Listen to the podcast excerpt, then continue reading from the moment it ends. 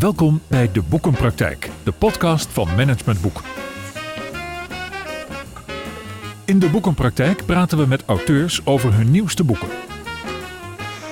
Boeken over organisatieontwikkeling, persoonlijke ontwikkeling en verandering. En altijd met een link naar de dagelijkse praktijk. Uw presentator is Willem van Leeuwen. Werken is een teamaangelegenheid geworden. Meer dan 85% van alle werkenden doet dit in teamverband. En van hen werkt bijna iedereen in meerdere teams tegelijkertijd. Al dus auteurs Hans van der Loo en Patrick Davidson in hun nieuwe gezamenlijke boek Teaming, de nieuwe realiteit van samenwerken. Hans van der Loo, hij was al eerder te gast in onze boekenpraktijk. Onderzoeker, ja dat ben je eigenlijk allemaal niet joh. Onderzoeker, facilitator, auteur.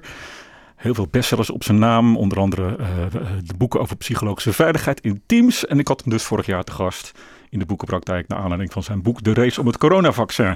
Ik ga er helemaal van eigen.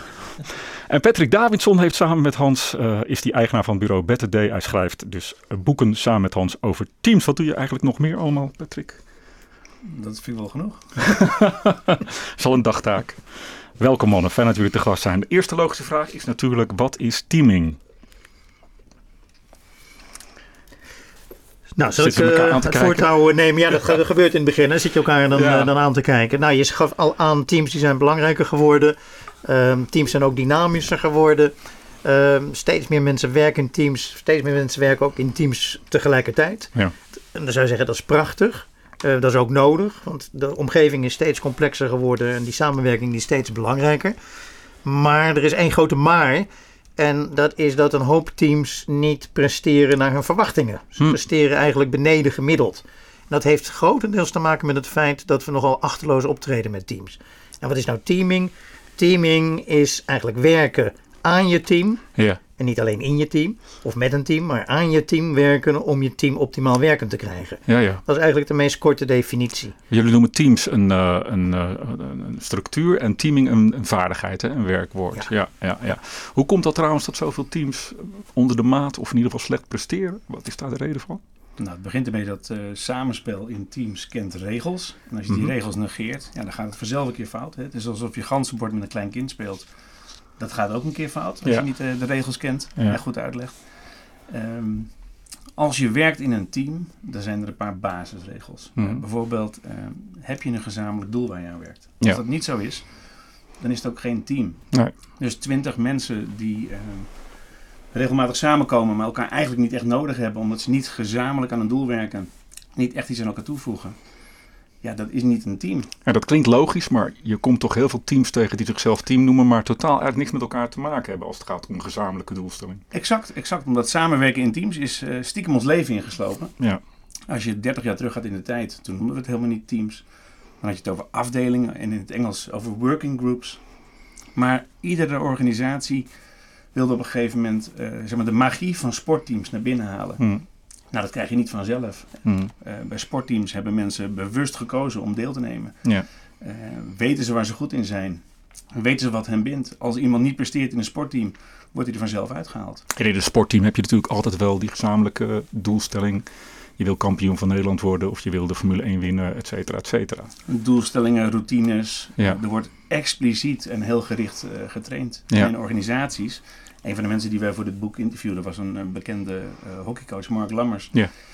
En wij vroegen hem ook van, als jij nou in organisaties komt, wat valt je dan op? En zeiden ja, dan heb ik soms het idee dat ze van 9 tot 5 de bal rondspelen, terwijl de lijnen van het veld uh, zijn verwijderd en de goals zijn weggehaald. Ja, ja. Maar dat betekent ook dat er een beetje wordt ge gefreewheeld in teams of zo. Zo klinkt het. Dus los van die gezamenlijke doelstelling zitten we ook een beetje uit ons neus te peuteren of zo. Is dat wat, wat jullie zeggen? Nou, zeker als het gaat om hele grote teams. Want dat is ook wel een puntje. Ja. Dat uh, de, de, de, de maximale of de perfecte omvang van een team wordt gezegd als 7 min 2, 7 plus 2. Ja. Dus ergens tussen de 5 en de 9. Nou, van ons part mag het ook nog 10 of 11 zijn en van mij per 12. Maar dan houdt het ongeveer op. Ja. Maar wat we tegenwoordig vaak zien, is dat allerlei teams die worden bij elkaar geschoven. En dat is lekker makkelijk, van heb je maar één teamleider nodig. Mm -hmm. En soms komen er 60 mensen komen er een zaal binnenlopen. En dan vraag je je af, wat is dit? Dan zeggen ze, doodleuk, het is een team. Nou, dat is van alles. Hè? Ja. Het is van mij een tribe, dit is een groep, dit is, ik weet het allemaal niet, ja. een ploeg. Maar ja. het is geen team. Dus dan moet je ook niet verwachten dat je wat dat betreft dat je daar de, de, de voordelen van een team uithaalt. Mm -hmm. Plus nog eens een keer, er is ook nog, naarmate teams groter zijn, Dan zie je ook dat de onderlinge contacten moeilijker gaan worden. Mhm. Dan zie je ook dat sommige mensen zich gaan afzonderen. En dan ontstaan er inderdaad eh, fenomenen van free willen. Ja. Sociaal luieren wordt dat ook wel genoemd Ja, ja. in de literatuur. Dus Ja. ja, ja het, eh, De sociale controle is natuurlijk ook groter als je een team tussen de vijf en de negen mensen zet. Het kan minder onzichtbaar worden. zeker. Maar er is misschien nog een puntje. Er is iets meer nog alleen dan die regels. Want het is ook, heeft te maken met een mindset en met een cultuur. Ja, Eh, teams over het algemeen, die zijn in de management denken, zijn ze wat dat betreft verwaarloosd. En er is ook hele lange tijd, is men er eigenlijk, heeft men zich daartegen gekeerd. Hm. Je moet niet vergeten dat Frederick Taylor, de, de, de, de grondlegger. Ja. van, het, eh, van het management, ja, die, die was aanvers tegen teams. Daar, daar moest hij niks van hebben. Ja. Van samenwerken en eh, sociale contacten, dat, dat, waren, dat waren potentiële broeinesten van communistisch verzet. Ja. Dus daar moest hij niks van hebben. Dus hij wilde individualiseren. Hij wilde individuele afspraken maken met medewerkers. Nou, dat zien we eigenlijk ook nog wel terug. Hoe vaak we tegenwoordig ook zeggen, nou die teams zo belangrijk zijn. Maar we doen individuele beoordelingsgesprekken. Ja. Individuele feedbackgesprekken. En dat doen we niet per team. Nee. Hè, dus wat dat betreft, die, die, die, die Toch is er de die laatste nemen paar we mee. jaren wel een soort, nou ik noem het hype-trend. Misschien mag ik dat niet zeggen, ge- gekomen na, naar aanleiding van Agile.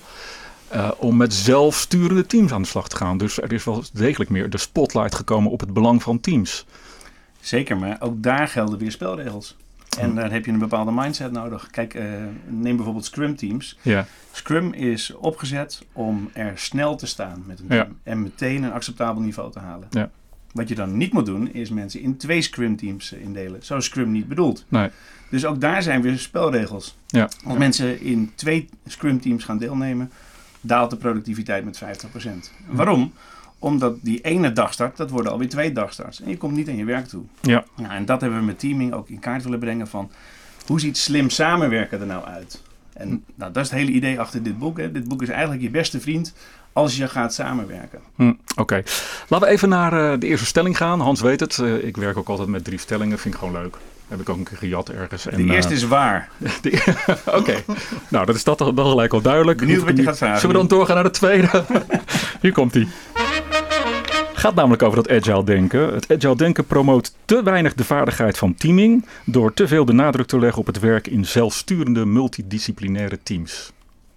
Eens of oneens? Eens.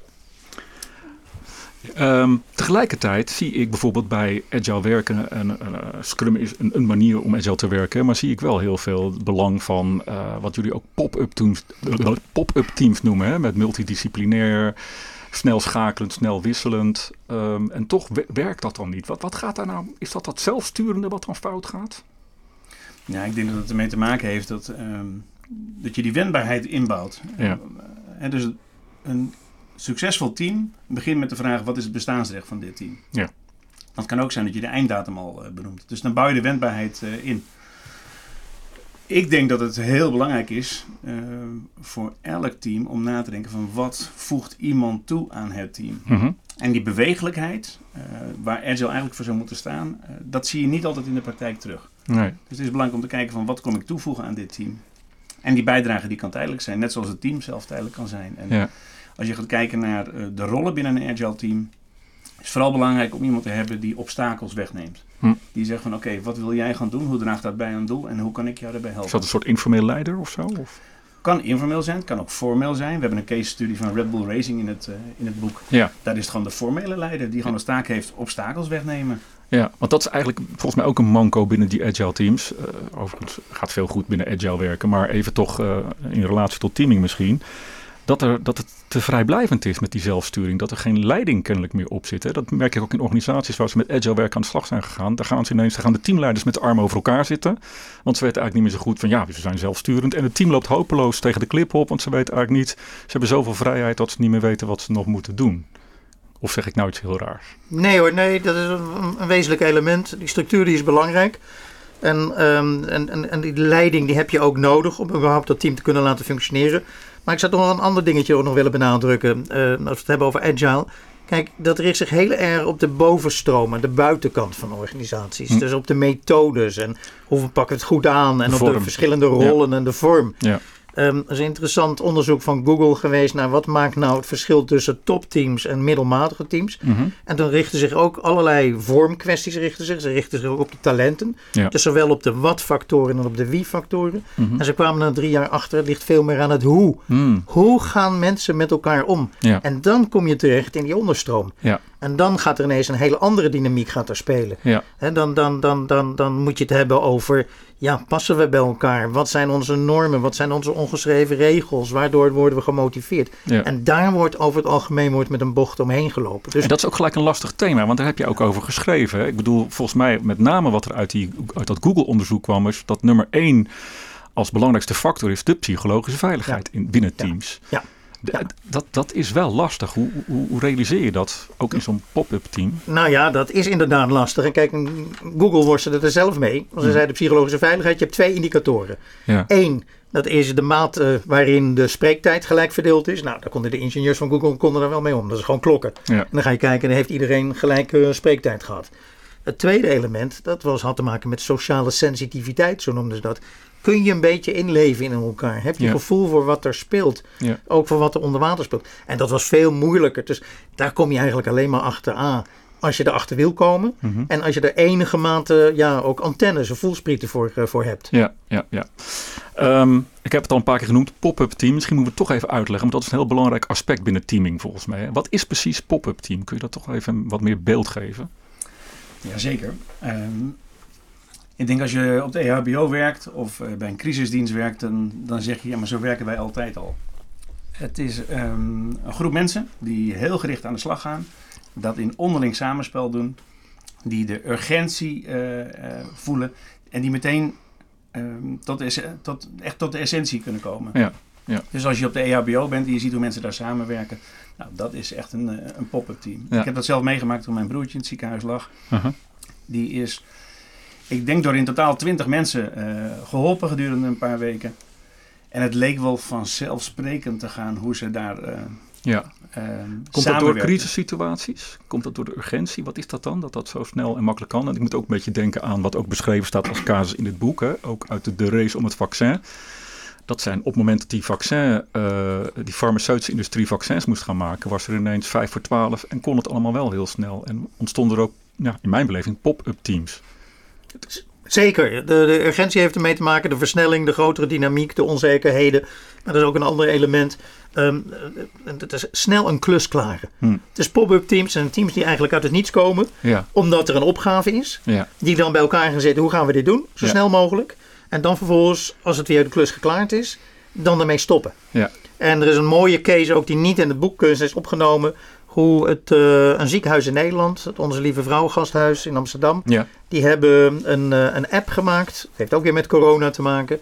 Waardoor mensen die thuis zaten en potentiële patiënten erachter konden komen door eh, met die, via die app te communiceren met een regieteam van medici in het ziekenhuis. Heb ik nou corona of heb ik nou de symptomen van corona of niet? En dat was in de beginfase. ja. Normaal duurt het maken van zo'n app ongeveer 12 maanden. Zij deden dat in vijf dagen. Dat betekent dat in vijf dagen een team was samengesteld, de klus werd geklaard en vervolgens werd het team ook weer ontbonden. Mhm. Dat is natuurlijk waanzinnig, want dat betekent een soort versnelling van 71 keer. Wauw. Het is vijf dagen of 365 dagen. Ja. Dat, is, dat is werkelijk. Ja. Dus het kan allemaal. En ik vind dat ook het mooie, dat proberen we in het boek ook uit te dragen. Mhm. Kijk, de mogelijkheden om te versnellen, te verbeteren, die zijn er. Ja. Alleen we maken er te weinig gebruik van. Ja, want ik bedoel, ik denk dat we in de huidige maatschappij en ook in organisaties waar veranderingen heel snel moeten gaan, dat de markt snel verandert, globalisering, digitalisering, nou noem het allemaal maar op. Moet je denk ik ook in die snelheid en in die snelle wendbaarheid kunnen, kunnen leven, dus in die verschillende teams kunnen acteren. Toch eh, kom ik nog heel veel in wat ik dan noem statige hiërarchische organisaties. Waar dat niet. Ik moet ook een beetje denken aan jullie casus van het Amerikaanse leger. Dat, dat daar ook tegenaan volgens mij. En toch is dat eh, gelukt om dat te transformeren naar een soort van pop-up team. Zeg ik dat goed? Kunnen jullie daar iets over zeggen? Wat, hoe, hoe, je dan, hoe je die transformatie dan maakt? Van als ik zit te luisteren, een heel verhaal nu, maar als ik zit te luisteren en ik denk, nou, ik, ik zou het ook wel willen, zo'n pop-up pop-up team en meer teaming in mijn organisatie, maar wij zijn best wel statig en hiërarchisch ingericht. Hoe verander je dat dan? Nou, begin met het Amerikaanse leger, inderdaad, Ja. de case die je aanhaalt. Dat is een hiërarchische organisatie. Het is een grote organisatie. Ja. De vraag is, wat is de klus die ze te klaren hebben? En in dit geval werden ze in Afghanistan en Irak geconfronteerd met een uitdaging die veel complexer bleek dan ze hadden, hadden, hadden gedacht. Ze hadden de beste militairen, het beste wapentuig. En ze moesten het nu opnemen tegen een tegenstander die onvoorspelbaar was. Ja. Al-Qaeda. Ja.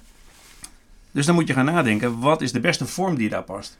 Dus vraag 1 is, voelen we de urgentie? Ja. Wat is de essentie? Nou, dat weten we niet. We weten wel dat we het niet op de, op de bestaande manier kunnen oppakken.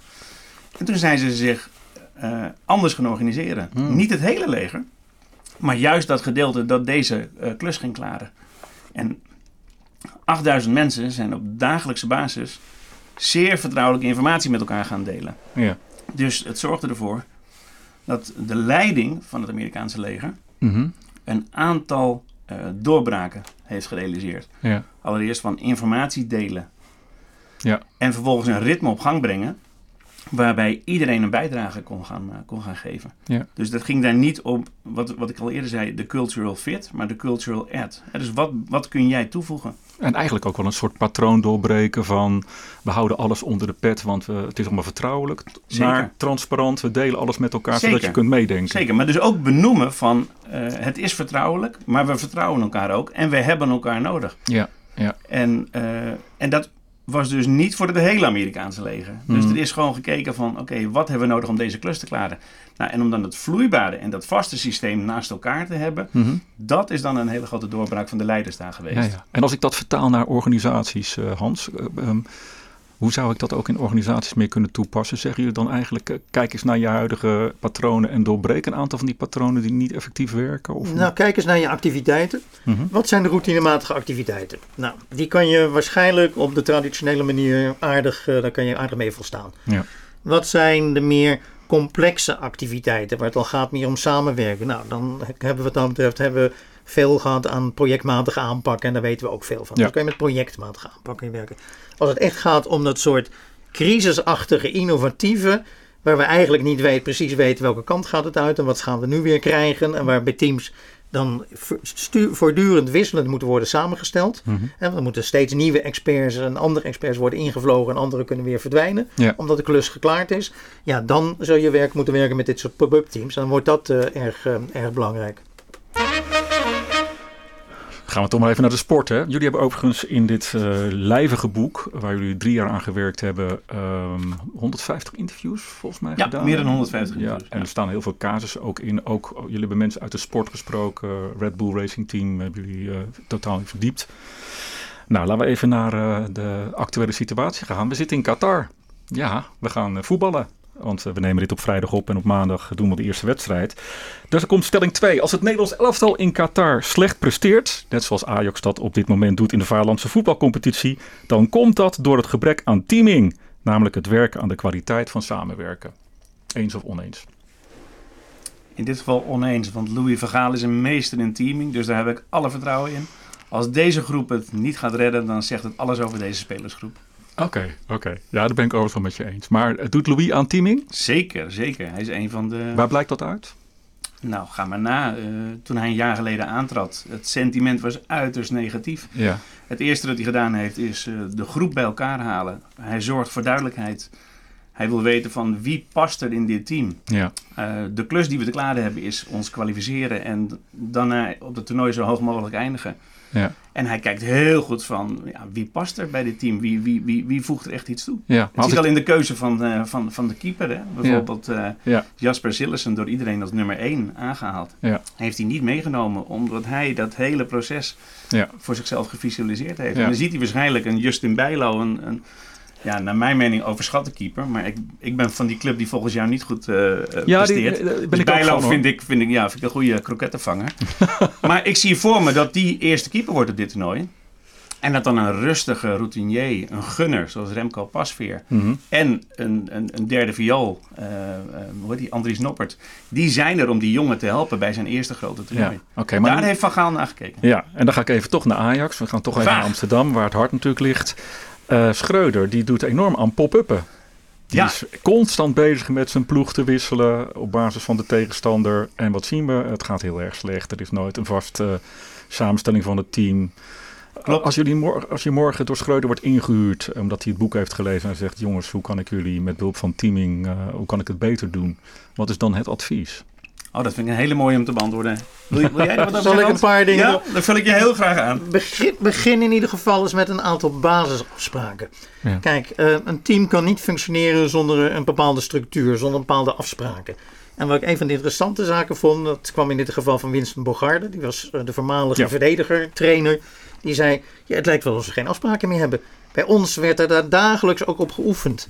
Weet je, zoveel als de ene naar voren gaat, gaat de ander iets naar achter, enzovoort, enzovoort. Maar ze doen maar wat. Er mm gebeurt maar wat leuk raak. Ja. Dus pop-up teams is niet zomaar, een, wat dat betreft, poppetjes erin zetten en eruit halen. Want dat is weer wie denken. Ja. Maar het hoe denken. Mm. Nou, ook het hoe denken. Ik heb geen, wat dat betreft is er ook geen enkele cohesie meer.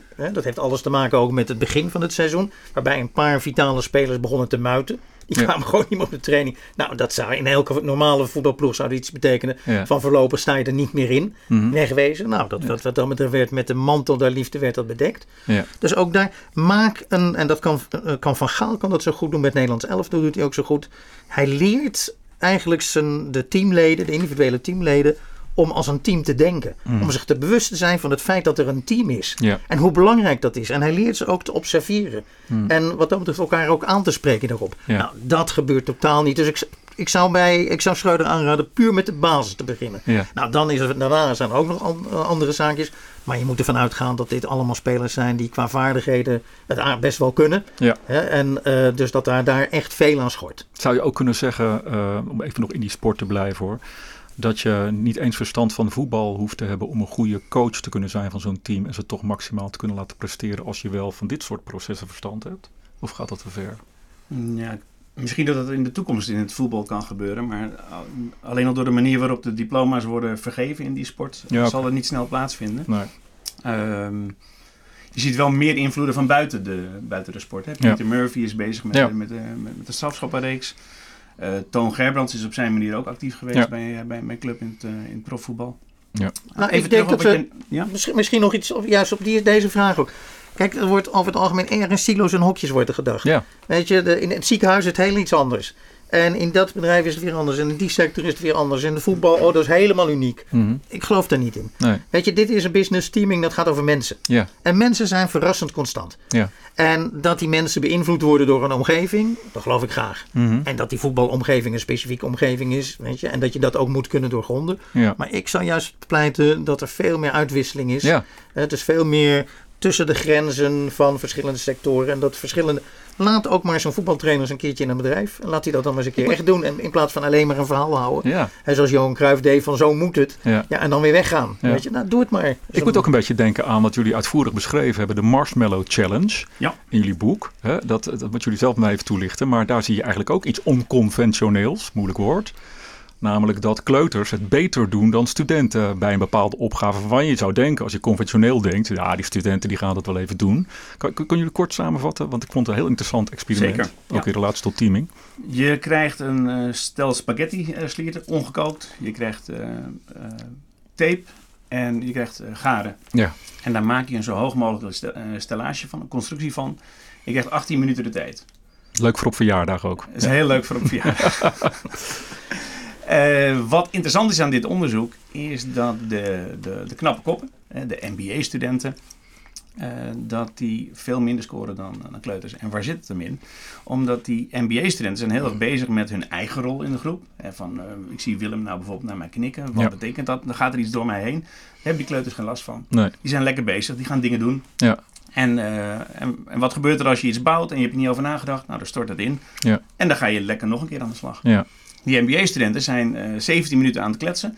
Zijn bezig van wat is ons mandaat? Wat ga jij doen? Wat ga ik doen? Nee, dat wil ik doen. Uh, hoe, ik zie Willem nou weer knikken. Mm. Wat, wat vindt hij van me? Mm. Dat gaat door die kleutertjes helemaal niet heen. Die doen het veel beter. Ja. Maar het leuke uit het onderzoek is, dan heb je ook nog de CEO's. Ja.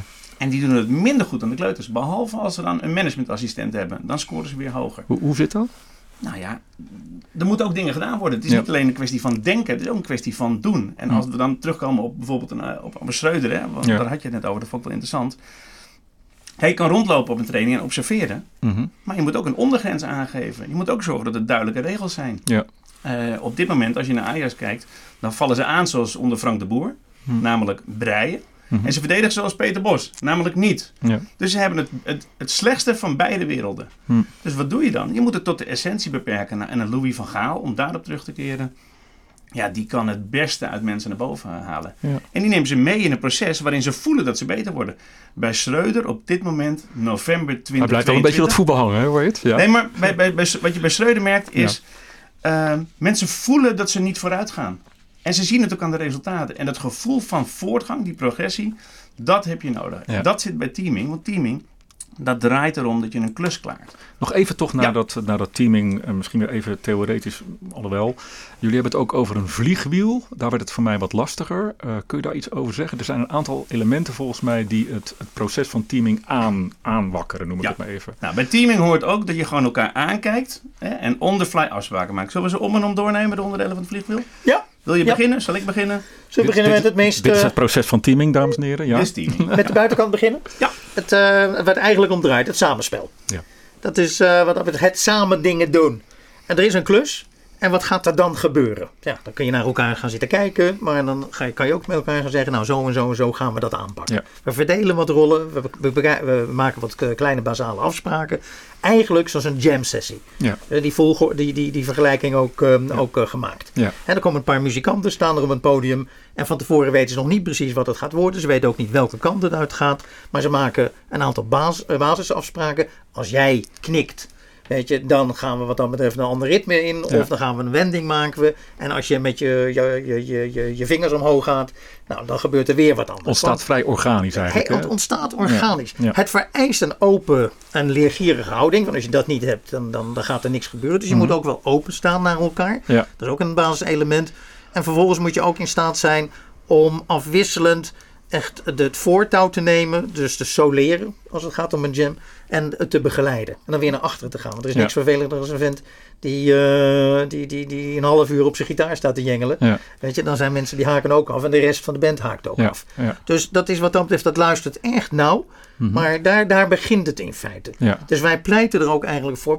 Zorg eerst voor de beweging voordat je eigenlijk alles wat dat betreft in beton giet. En meestal is het het omgekeerde. En hebben we eerst allemaal plannen gemaakt en ideeën bepaald en een hele verandertraject.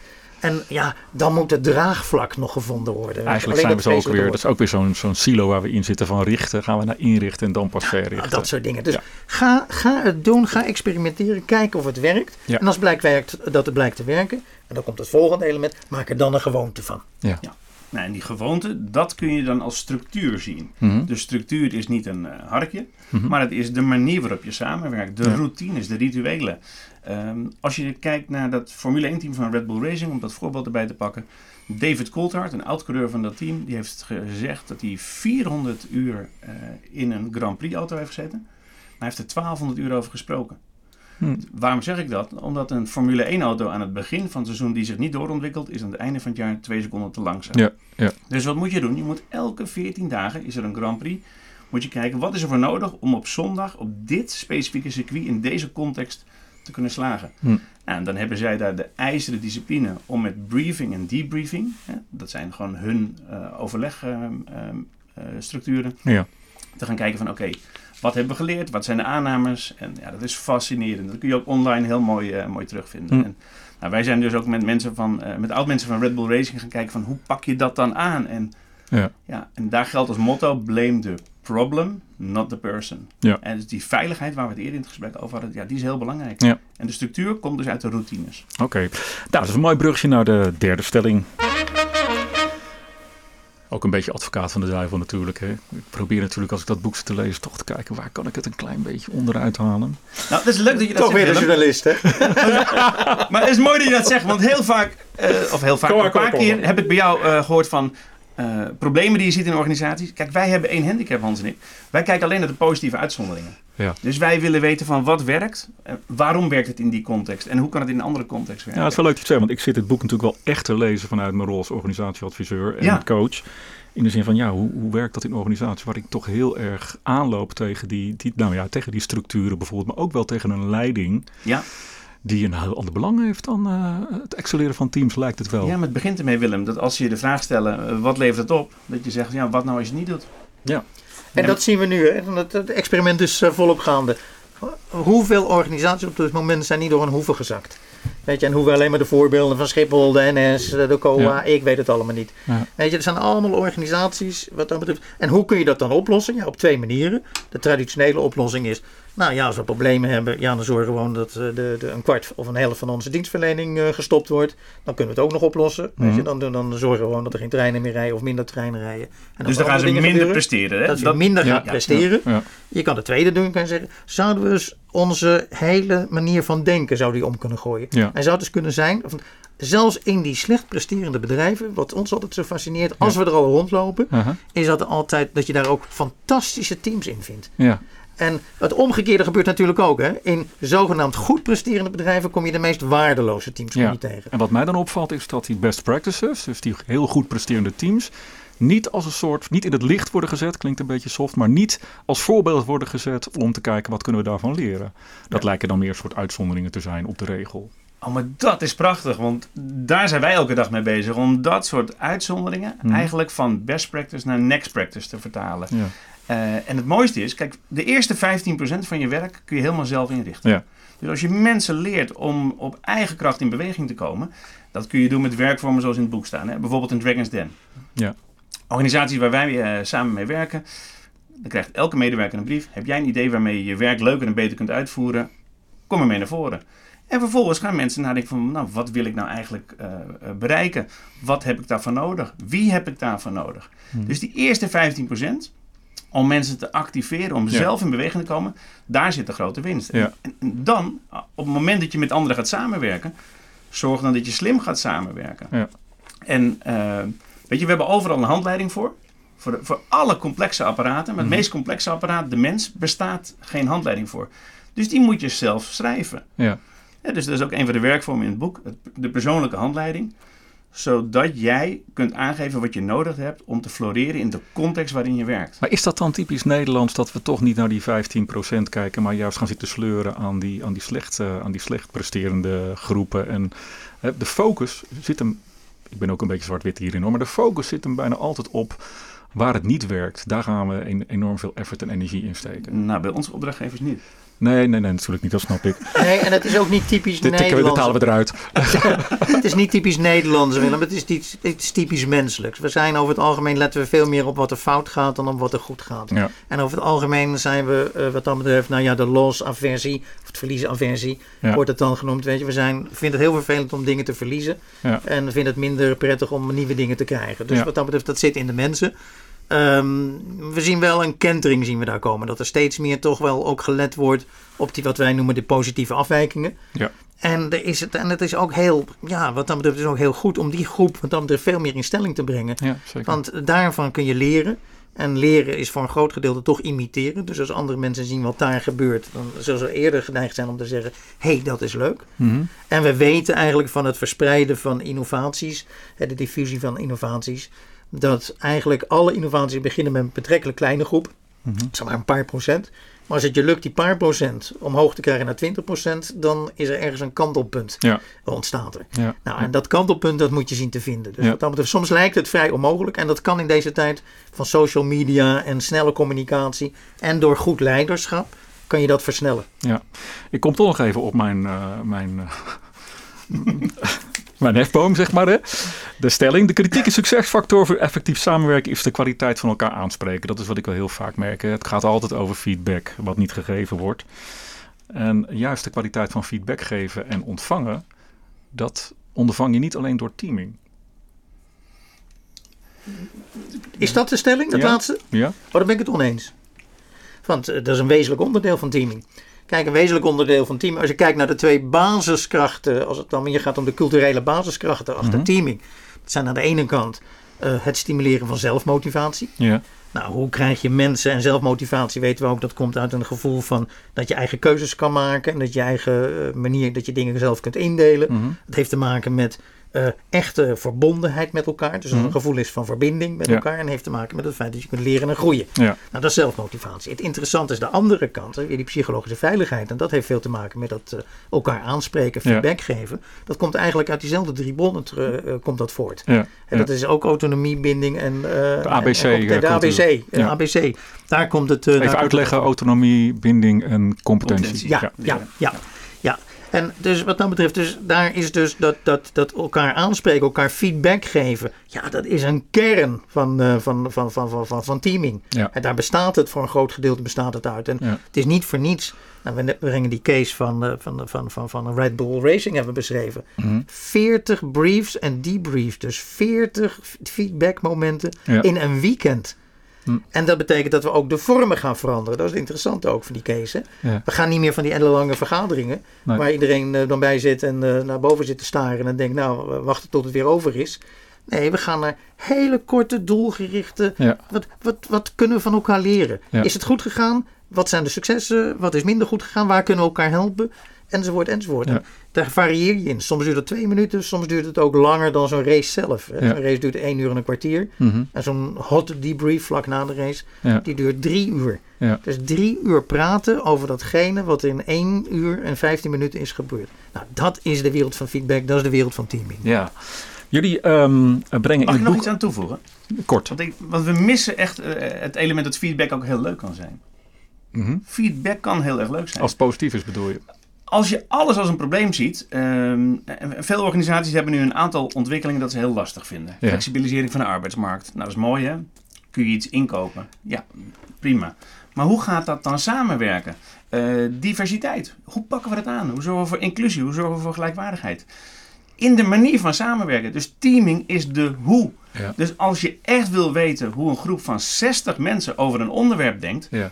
Doe dan niet dat klassikale rondje. Nee. Want als iedereen in een minuut gaat vertellen eh, wie die is en wat hij gedaan heeft, ben je al een uur verder. Ja. Je kunt in 15 minuten weten wat er echt binnen een groep leeft. Ja. Nou, en, en dat is de taak van een, van een leidinggevende. Om dat proces echt op gang te brengen en te stimuleren. En jullie, eh, in het boek zit ook een uitgebreide toolkit met alle Ja. oefeningen. Zit er Ja. ook een oefening bij die hier een beroep op doet? Jazeker, dat is... Mooi? Wel een eh, bruggetje.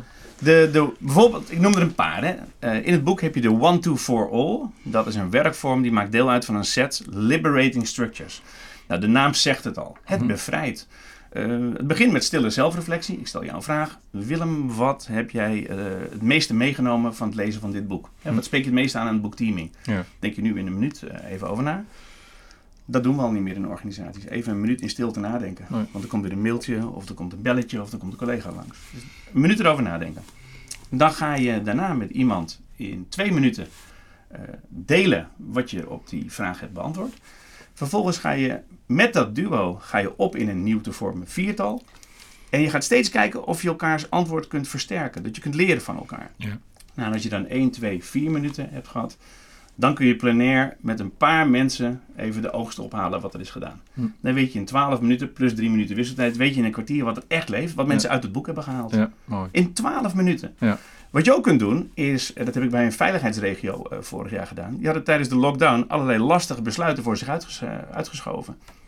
Dan vraag je mensen, en dat is de werkvorm iconische acties die we ontwikkeld hebben, Hoppa. Ja. om na te denken van oké, wat is nou een actie die volgens jou nu opgestart moet worden, die echt belangrijk is? En wat is de eerste stap daarbij? Ja. Dat laat je mensen anoniem op een briefje invullen en vervolgens laat je mensen anoniem eh, stemmen. En dan wordt dus in een minuut of dertig wordt duidelijk van oké, dit zijn de ideeën waar deze groep het meeste vertrouwen in heeft. En we weten ook nog niet alleen wat het idee is, maar ook wat de eerste stap is. Ja. Ja, dit is feedback nieuwe stijl. Ja. En daar benut je dus de diversiteit. En ja, het zorgt ook gewoon voor plezier.